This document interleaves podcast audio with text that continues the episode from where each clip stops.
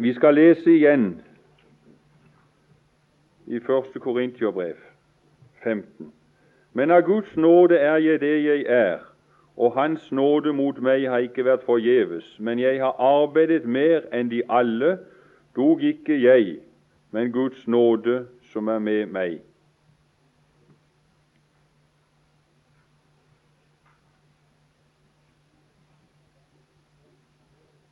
Vi stansa ganske kort i går for, for dette usynlige. Av Guds nåde er jeg det jeg er, hva vi var for Gud i Kristus Jesus. Og det er et vidunderlig syn når en kan få se hva vi er for Gud i Kristus Jesus. Det er nødvendig, og det må gjentas. Vi må se det igjen og igjen og fornyes i dette syn. For, og Derfor står det også det i 2. Korintiobrevet at dersom noen er i Kristus, da er han en ny skapning. Det gamle er forganget.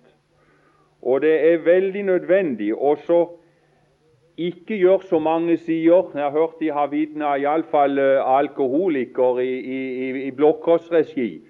Så står de fram og så sier det gamle er forganget, så alt er blitt nytt, og så klapper de seg på brystet. Alt er blitt nytt.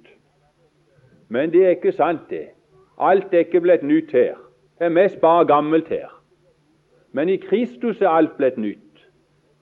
I Han er alt nytt. Og dette ordet her som er skrevet, det er, det er, det er ikke en erfaring.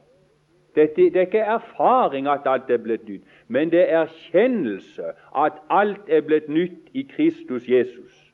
Og det er vidunderlig. Og Derfor står det også i versene opp forbi da står det derfor kjenner vi fra nu av ikke noen etter kjødet. Det er når et menneske, når vi er kommet der at vi har oppgjort dette med oss selv, at én er død for alle, så er de alle død. Og når de er gått over i Kristus Jesus, død med Han, oppstanden med Han, så kjenner vi fra nu av ikke noen etter kjødet. Men ellers så kjenner vi hverandre sannelig etter kjødet og opplever det at det er skavanker og feil. Men kan vi få se det vi er i Kristus, å, så er vi fullkomne, vi er nye skapninger. Alt er blitt nytt. Og jeg tenkte på det når um, Hardang også uh, nevnte dette verset i forbindelse med visdommen. Så er det, er det kolossalt at vi har fått denne visdom ifra Gud, denne kunnskap ifra Gud om disse ting. Det er veldig. For det står det i, først, i, i, i først Korintiabrev 2. Han siterte det, men jeg tror vi må ta det med igjen og understreke det. Eh, her står det dog visdom Først 1. Korinterbrev 2, 6 og 7. Dog visdom taler vi blant de fullkomne, men en visdom som ikke tilhører denne verden. Og Jeg tror det i den svenske bibelen så står det annerledes. Der står det slik Dog visdom taler vi blant de fullkomne, men en visdom som ikke tilhører denne tidsalder. Det skal si, det, det er kolossale ting, ser du. Det er en visdom som ikke tilhører denne tidsalder. Nei, du hører en annen tidsalder til. Og så står det videre her men som en hemmelig taler vi Guds visdom, den skjulte, som Gud fra evighet av har forut bestemt til vår herlighet. Og Der kan det også oversettes sånn som når det står forutberedt før tidsaldrenes begynnelse. Ja, så er det forutberedt til vår herlighet. Så vi er Du snakker om at vi holder på med et budskap som er gammelt. Det finnes ikke noe eldre budskap enn dette. Og tenk, det, det eldste budskap som finnes, det er før tidsaldrene, og så er det et budskap som hører til ikke i denne tidsalder, men det er i den kommende tidsalder. Derfor er dette budskapet det er et evig gyldig budskap. Det er Guds budskap. Det er vidunderlige ting de holder på med. Hva vi er i Kristus Jesus. Men så la oss stanse ganske kort her for hva vi, åssen eh, eh, Av Guds nåde er jeg det jeg er. Hva Åssen ser Gud på oss i denne verden? Åssen ser Gud på oss i denne verden? Er vi noe i denne verden, vi som er Guds barn? Arnold har vært inne på det og nevnt vidunderlig det vi hørte i den forrige timen. Åssen ser verden på oss? For du skjønner det at eh, er vi blitt noe av Guds nåde, så, skal, så ser Han dette, og så nyter Han dette synet. Og i den grad vi kan få se det, i den grad vil også vårt liv preges av det. Og i den grad vil andre se det. Nådens virkning. Og den skal si det er nødvendig at andre får se det. Jeg syns det var fint når jeg hørte om den der Stockholmsraneren. De visste ikke hva de skulle gjøre med han, og så ble det, ble det et intervju med han som hadde han i fengsel, og så ble det spørsmål av han som hadde han der, og hva de kunne gjøre med han.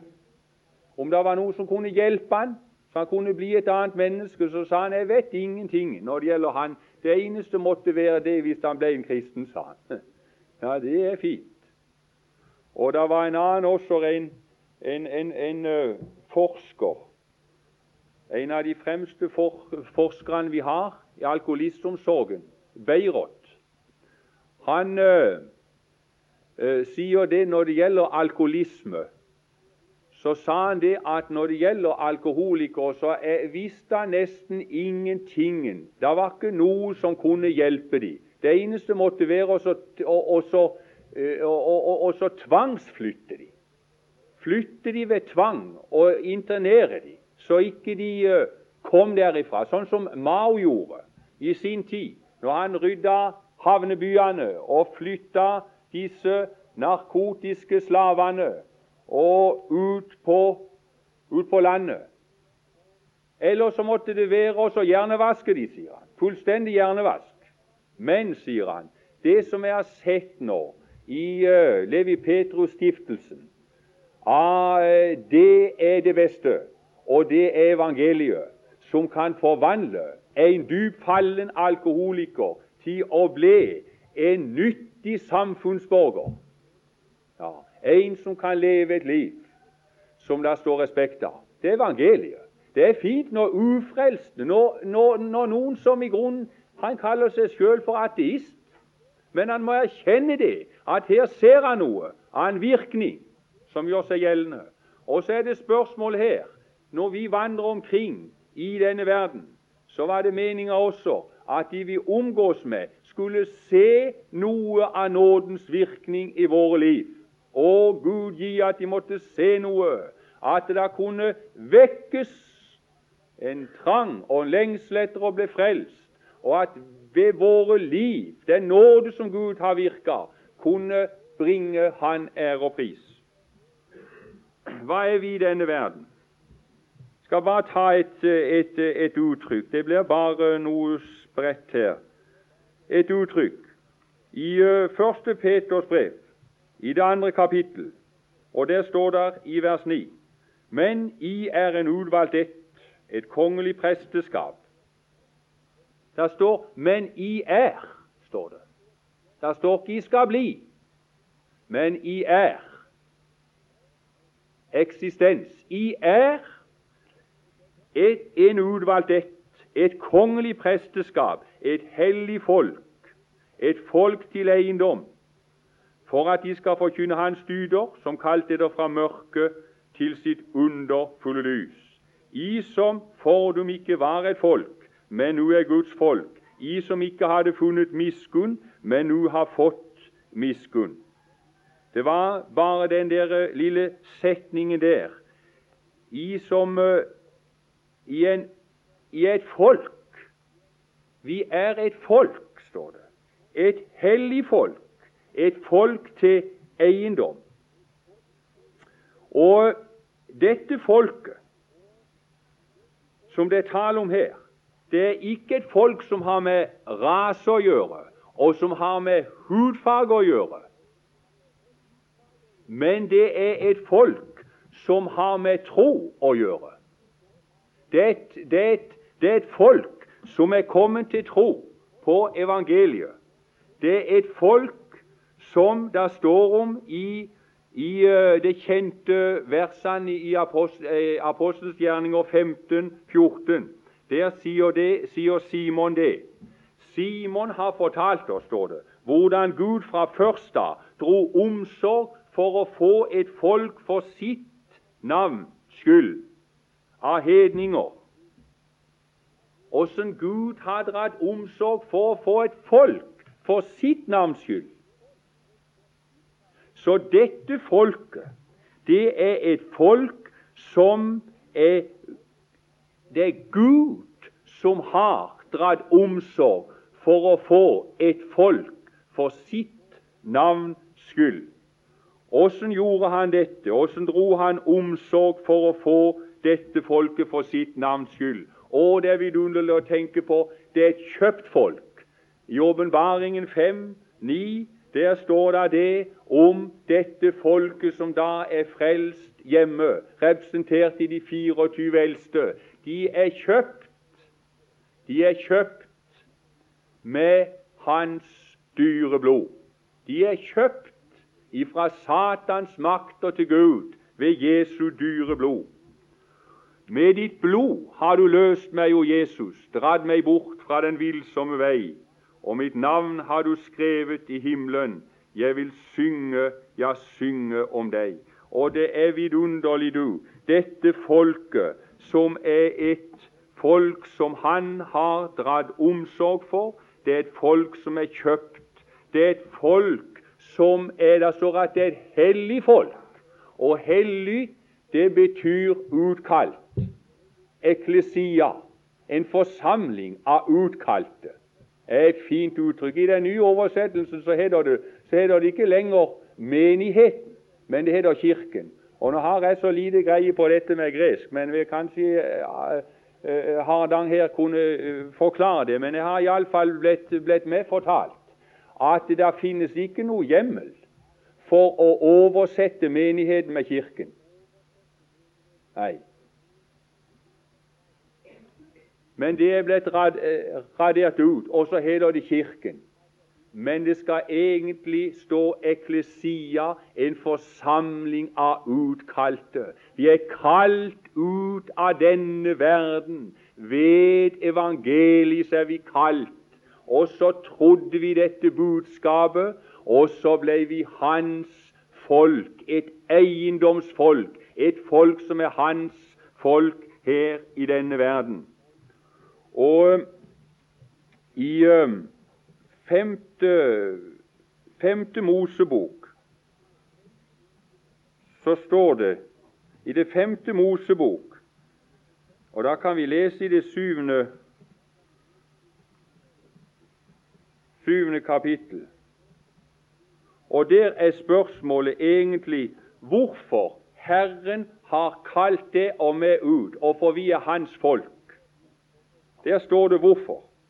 Dette er tale om, eh, om, eh, om Israel, men eh, det er, det er, også et åndelig Israel. Og det er slik ved Skriften at vi kan gå, gå, gå ut og inn og finne føde. Vi skal skumme fløten, ser du i Bibelen, for vi lever i nådens tid og vi går inn og skummer fløten. Det er så flott. Og her kan vi ta, ta, ta dette til oss, for det gjelder også dette åndelige folk som vi er. 7.7. Ikke fordi de var større enn alle andre folk fant Herren behag eder og utvalgt eder, for I er de minste av alle folk. Det er ikke noe ekstra stort med oss, og langt ifra. Det er skrøpelig. Og vi hørte det ble lest her av Hardang om utvelgelsen. Det som var svakt i verden, det var som var lavt, det som var ringaktig, det som ingentingen var, det utvalgte Gud seg for å gjøre til intet det som er noe, for at intet kjød skal rose seg for Gud. Og så står det videre i vers 8 hvorfor han valgte de ut. Men fordi Herren elsket dere. Og det er fint, du. Fordi Herren elsket dere og fordi han ville holde den ed han hadde svoret eders fedre. Derfor førte Herren eder ut med sterk hånd og fridde eder ut av trellehuset. Og det er fint, fordi han elsket eder. fordi han elsket eder. Og du og ti elsket Gud oss. Var det når han sendte sin sønn? Og langt ifra. Han elsket deg fra evigheter.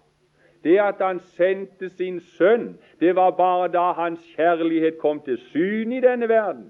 Vi er elsket før verdens grunnvoll ble lagt. Så hadde han det kjær. Og det er vidunderlig.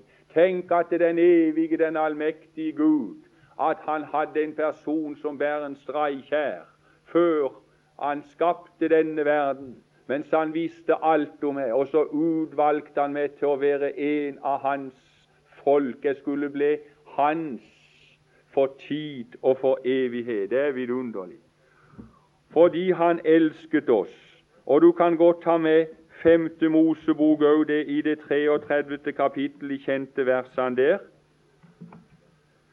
Det er, det er godt å lese det igjen.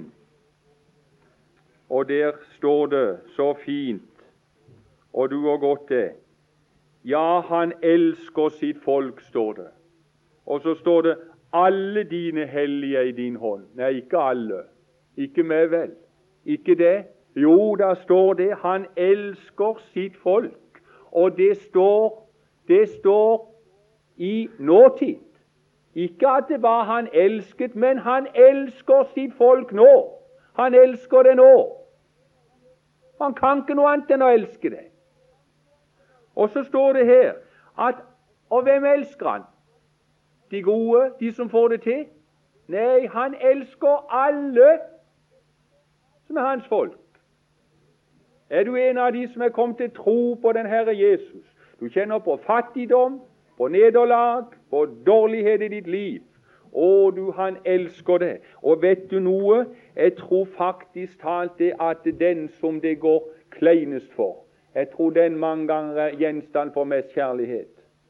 Ja, det tror jeg. Det er iallfall sånn når det gjelder når det gjelder ei mor, og når det gjelder barna. Det barnet som har skavanker, som har noe det feiler, det får mest av kjærlighet. Det får mest av kjærlighet. Jeg tenker på ei mor som hadde sønnen sin. Han var, han var vanskapt. Hun måtte stelle han hele veien. Men han fikk møte mors kjærlighet hele veien.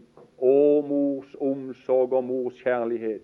Og du, når det går i stykker for deg, ikke bare én gang, men mange ganger, og djevelen sier det kan aldri nytte for deg, så skal jeg si deg det at alle de hellige er i hans hånd. Og han elsker alle, og han elsker den mest som det går i stykker for. Og for det, for det at han skal ha det helt hjem, ser du.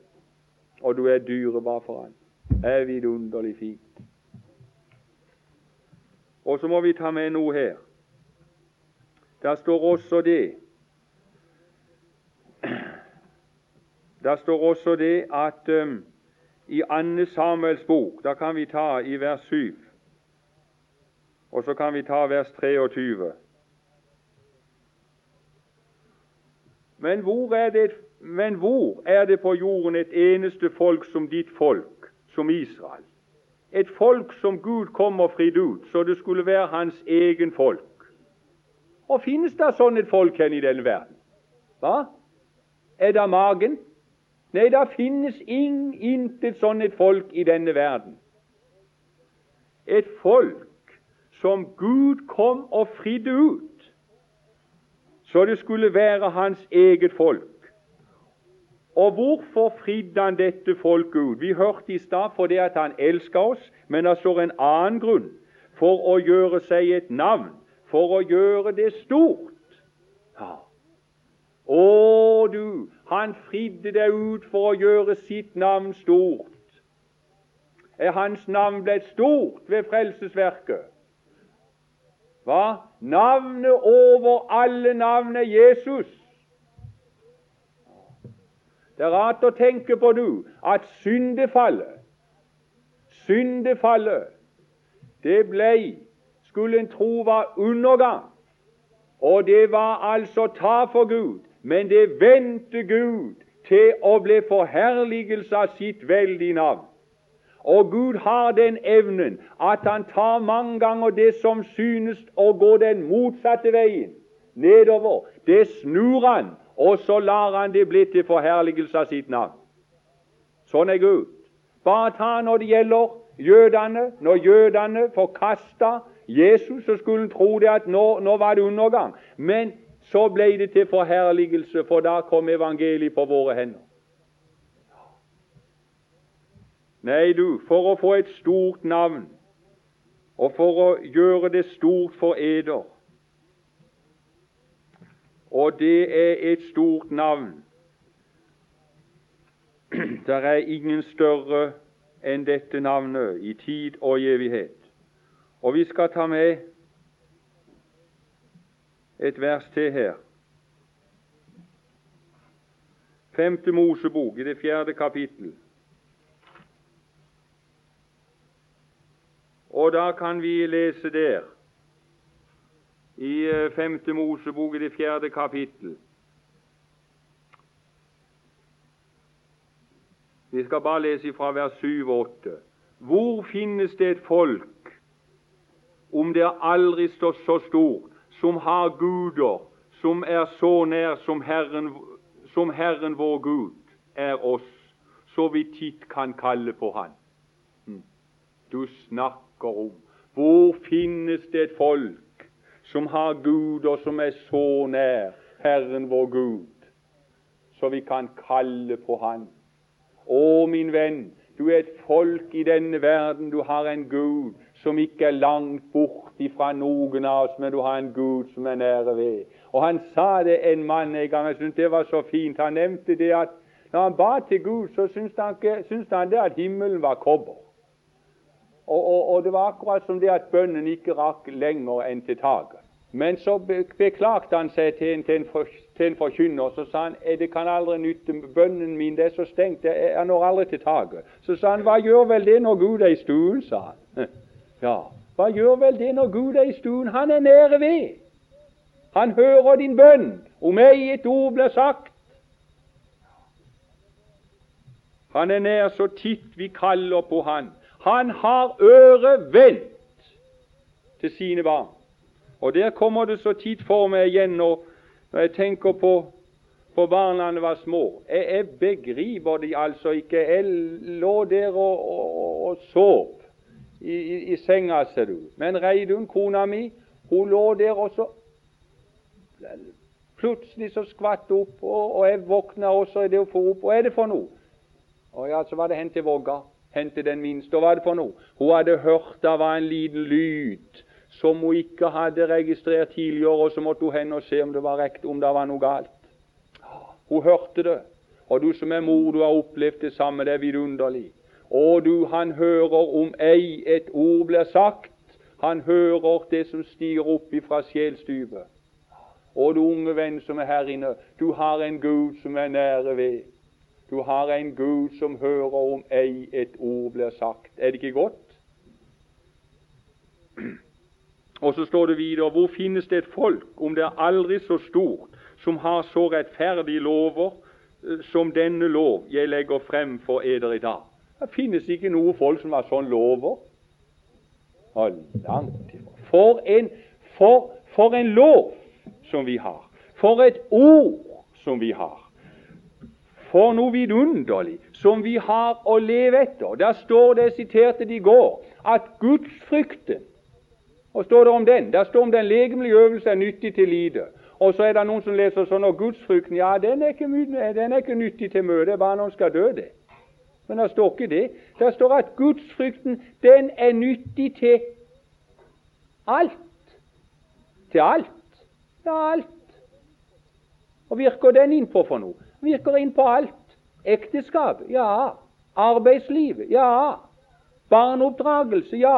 Kameratskap, ja. Skatten, ja. Virker inn på alt. Gudsfrykten er nyttig til alt. Den har løftet for det liv som nå er.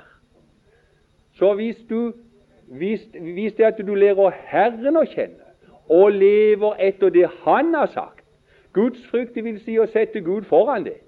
så skal du få oppleve det at da har det løftet for dette livet. Da skal du bli til velsignelse.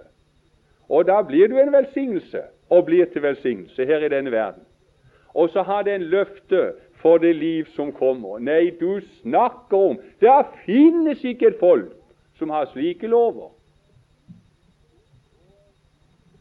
Og eh, det som eh, som, eh, som jeg, jeg, jeg, må nevne det også, som er, som er også vidunderlig å tenke på at den Gud som vi har, det er det at det står om israelsfolket at han, han bar de alle den gamle tids dager. Han bar de. Han bar hele Israels folk igjennom hele ørkenvandringa så førte han de fram til landet. Og du, der står det i Esaias Jeg har båret eder og vil fremdeles løfte og bære og redde eder. Du, du snakker om et folk. Vi har en Gud som har lovt å bære oss og føre oss helt hjem. Og Når det gjelder israelsfolket, så er det så vidunderlig å se hvordan lovsangen også steig opp. Og Du kan lese om de salmer, vi har ikke tid til å stanse ved det nå. Åssen lovprisningen steg opp til Gud for at han var mektig til å frelse de ut fra Egypten og føre de over Det røde havet og gjennom en ørken i 40 år og brødfø de og føre de frem. Og så slo ned fiendene og lo de få landet. Det er vidunderlig. Og hør nå én ting. Hele veien så måtte Gud tilgi dem. Han tilga dem hele veien. Ja. Og vi har en Gud som har lovt å tilgi sitt folk hele veien. Tror du det blir noe mindre å tilgi med årene? Trenger du mindre synderens forlatelse i dag? Jeg må iallfall si det at for min del så er det sånn for meg at jeg syns det går kleinere og kleinere. Jeg syns det at jeg får mer og mer å be Gud om tilgivelse for. Ja, jeg gjør det. Jeg kommer så til kort på alle bauger og hold. Og jeg må erkjenne det at jeg trodde det at det var noe bedre stell med meg. Men eh, den tida jeg har vært oppe på Loland, jeg har sikkert hatt veldig godt av det, for jeg har fått sett litt av hva som bor her inne. Og jeg har måttet gå på kne mer enn en gang og be Gud om tilgivelse. Å, du jeg trenger synderens forlatelse.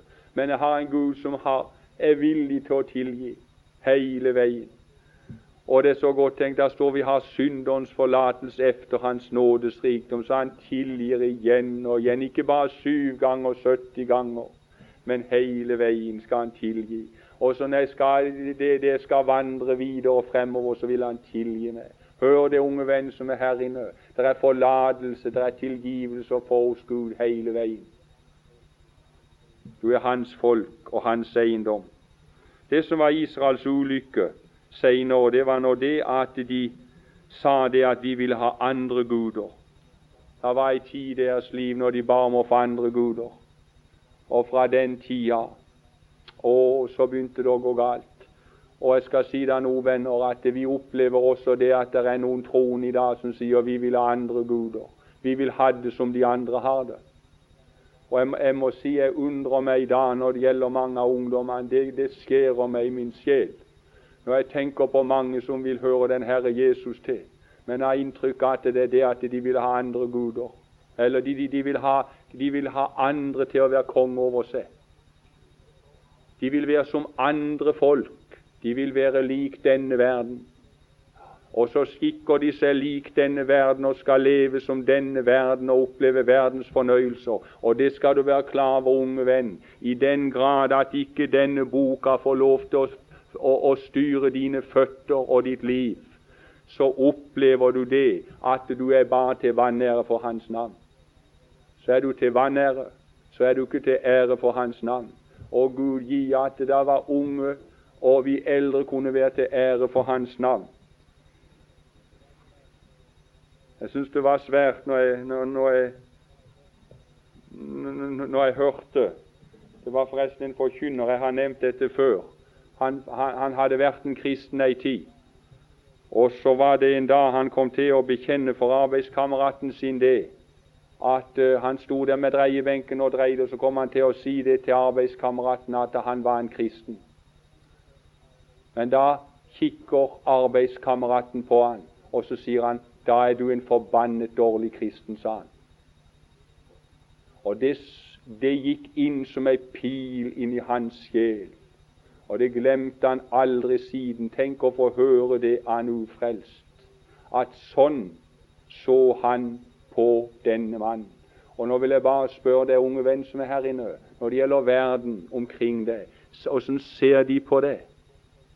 De ser på deg i forhold til hvordan du innretter det. Hvis du skal innrette det som de andre og være lik de andre, så blir du ingen god kristen.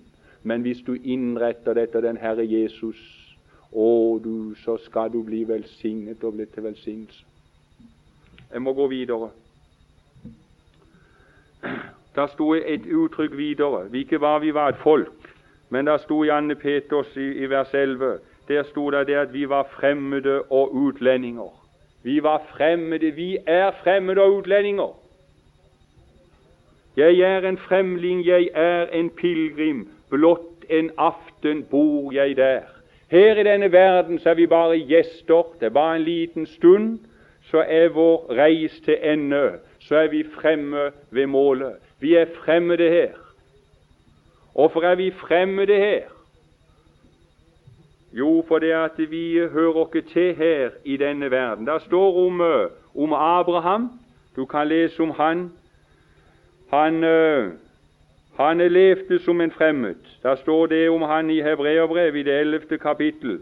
Så står det det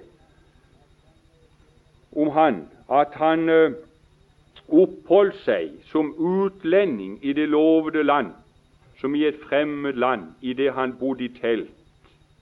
Og så står det i vers 13 der står det at de bekjente at de var fremmede og utlendinger på jorden. Og så står det videre i vers 14 og de som sier slikt, gir derved til kjenne at de søker et fedreland. Ja, vi er fremmede og utlendinger, venner. Vi er på reise til vårt fedreland. Og fordi vi er fremmede og utlendinger her i denne verden, så har vi egentlig ikke noen rettigheter her. Men vi har rettighetene der hjemme. Vi har rettighetene hjemme. Og måtte Gud gi oss nåde til å se det, at vi var fremmede og utlendinger her. Da ble det ikke om å gjøre å kare til seg så veldig mye av det denne verden har å gi.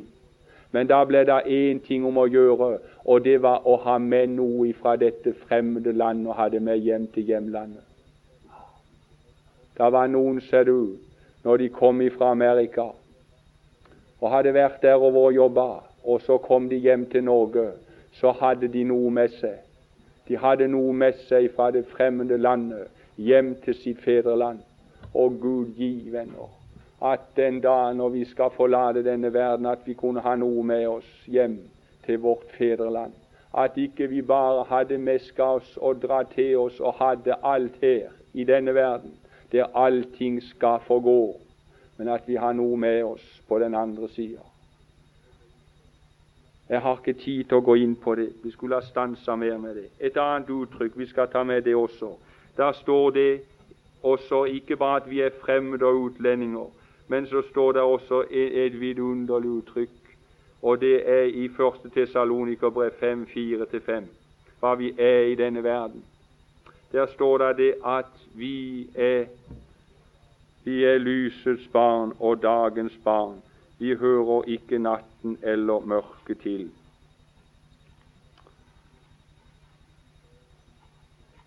Vi er lysets barn. Ikke så det står. For I er alle, står det. I er alle. Det er alle som er kommet til troen på den Herre. Lysets barn og dagens barn. Vi hører ikke natten eller mørket til. Nei, vi er lysets barn. Og den setningen jeg fikk høre av en, den har brent seg fast i meg. Jeg syns det var vidunderlig. Han sier at dette ordet kan også oversettes sånn at vi er vi er dagens barn, det vil si vi er morgendagens barn. Vi er fremtidens barn. Vi er evighetens barn. Vi er født for tidlig. Vi hører ikke til her. Vi hører til i lyset. Lysets barn. Det er tale om Gud at han er lys.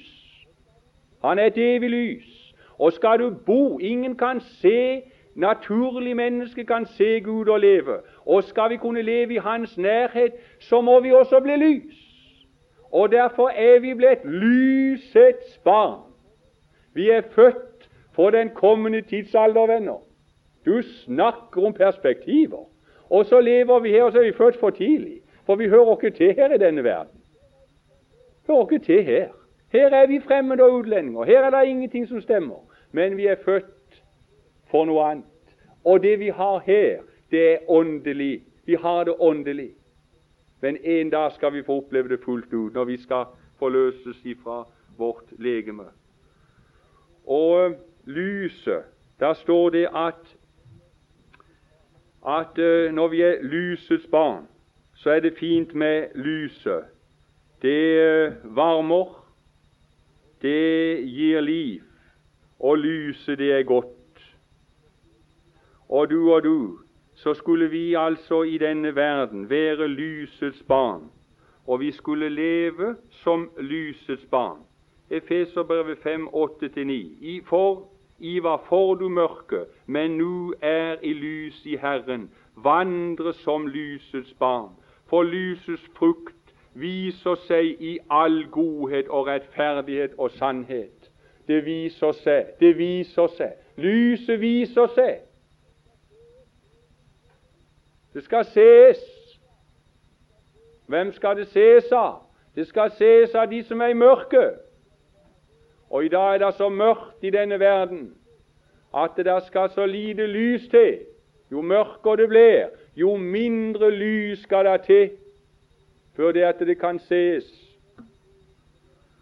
Og det står også det i, uh, i Filippenserbrevet, du kan lese der i det andre kapittel og 15 og 16. vers. Der står vi viser oss som lys i denne verden i det vi fremholder livets ord. Å, venner, du viser det som lys når du fremholder livets ord, for ordet det er lys. Det er lys. Og det var det lyset som kom inn i din sjel. Gud som bød at lys skulle skinne frem av mørket. Han er den som lot det skinne i våre hjerter, for at kunnskapen om Guds herlighet i Jesu Kristi åsyn skulle stråle frem fra oss. Å, har du noe å si om Jesus? Har du noe å si om Han? Åssen er det? Åssen er det med de du omgås med? Åssen er det med de du har vært sammen med den senere tid? Har de sett noe lys? Har det vært noe livets ord som har gått ut av din munn, av min munn?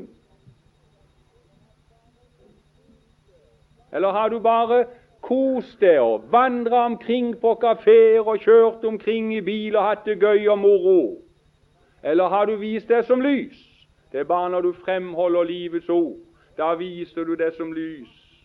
Og lyset, det er skarpt. Det skinner inn, ser du. Når du holder livets ord, så kan det skinne inn, og så avdekker det. Men lyset det også godt, og det gir liv, og det gir varme. Og om vi kunne vise oss som lys i denne verden. Jeg skal bare til sist ta med den der beretninga der om i Dommernes bok, i det syvende kapittel og vers 16 der. Der står der om uh, den, uh, den beretninga der, vet du, om uh,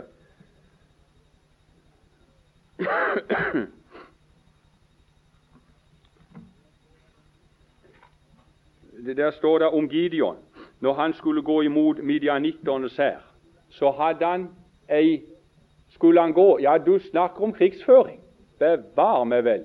Moderne krigsføring. Ja, ja, ja. Gud er moderne, ser du. Han er moderne. Han er, han er alltid på høyde med tiden. Han er før tiden. Og så skulle han gå imot denne veldige hæren. Og det var så fullt at når det gjaldt eh, Der står alle Østens barn, de lå i dalen, og det var så tett som gresshopper. Og det var ikke tall på alle kamelene. Og så skulle han gå imot dem med 300 mann, og så med tungt skytsveld, kanoner og, og langt ifra. Nei, da skulle han gå imot dem med, med, med ei krukke. Og så skulle, basun, skulle de ha basun. 300 mann med en basun og ei krukke. Og inni krukka der skulle de ha en fakkel. Ja, det er krigsføring, ser du. Og, den, og, og, og, på et avtalssignal så skulle de knuse krukka, og så skulle de holde fakkelen opp. Og så skulle de blåse i basunen. Ja, Skjedde det noe? Ja, du skjønner, lyset. Når lyset blir holdt opp, så skjer det noe. Og når det blir blåst i basunen, og du kan lese om basunens lyd Bare ta med det hva basun står for. Det kan du lese om. At basunen det er et bilde på Guds ord. Første Korintiobrev 14, 8-9. Der har du det. Og vi kan lese det andre steder også. Det er et bilde på Guds ord. Når det at det blir blåst i basun, og krukka blir slått i stykker, og lyset blir holdt opp, og det blir blåst i basunen, så skjer det noe. Det skjer noe. Ja. Og hva er det for noe som skjedde der? Ja, det var det at da var Gud der, ser du. Gud er der, der er lys. Gud er i lyset.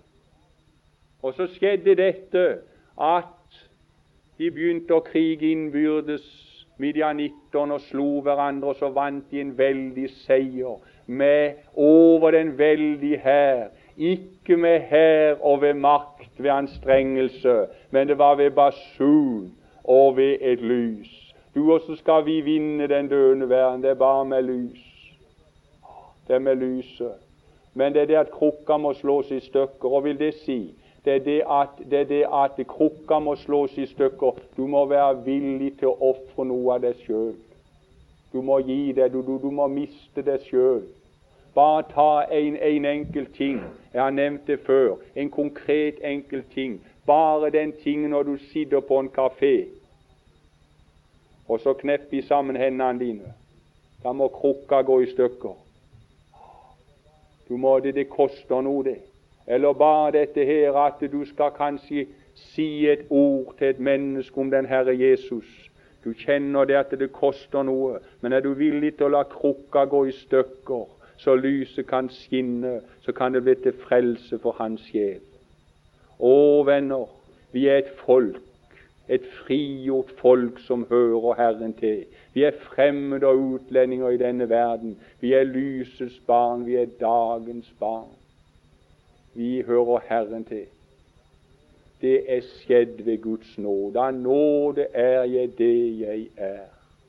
Amen. Herre Jesus, vi takker deg for ordet som du har møtt oss med også nå. Og jeg ber deg, Herre, at du må få velsigne den store forsamlingen av dyrkjøpte sjeler.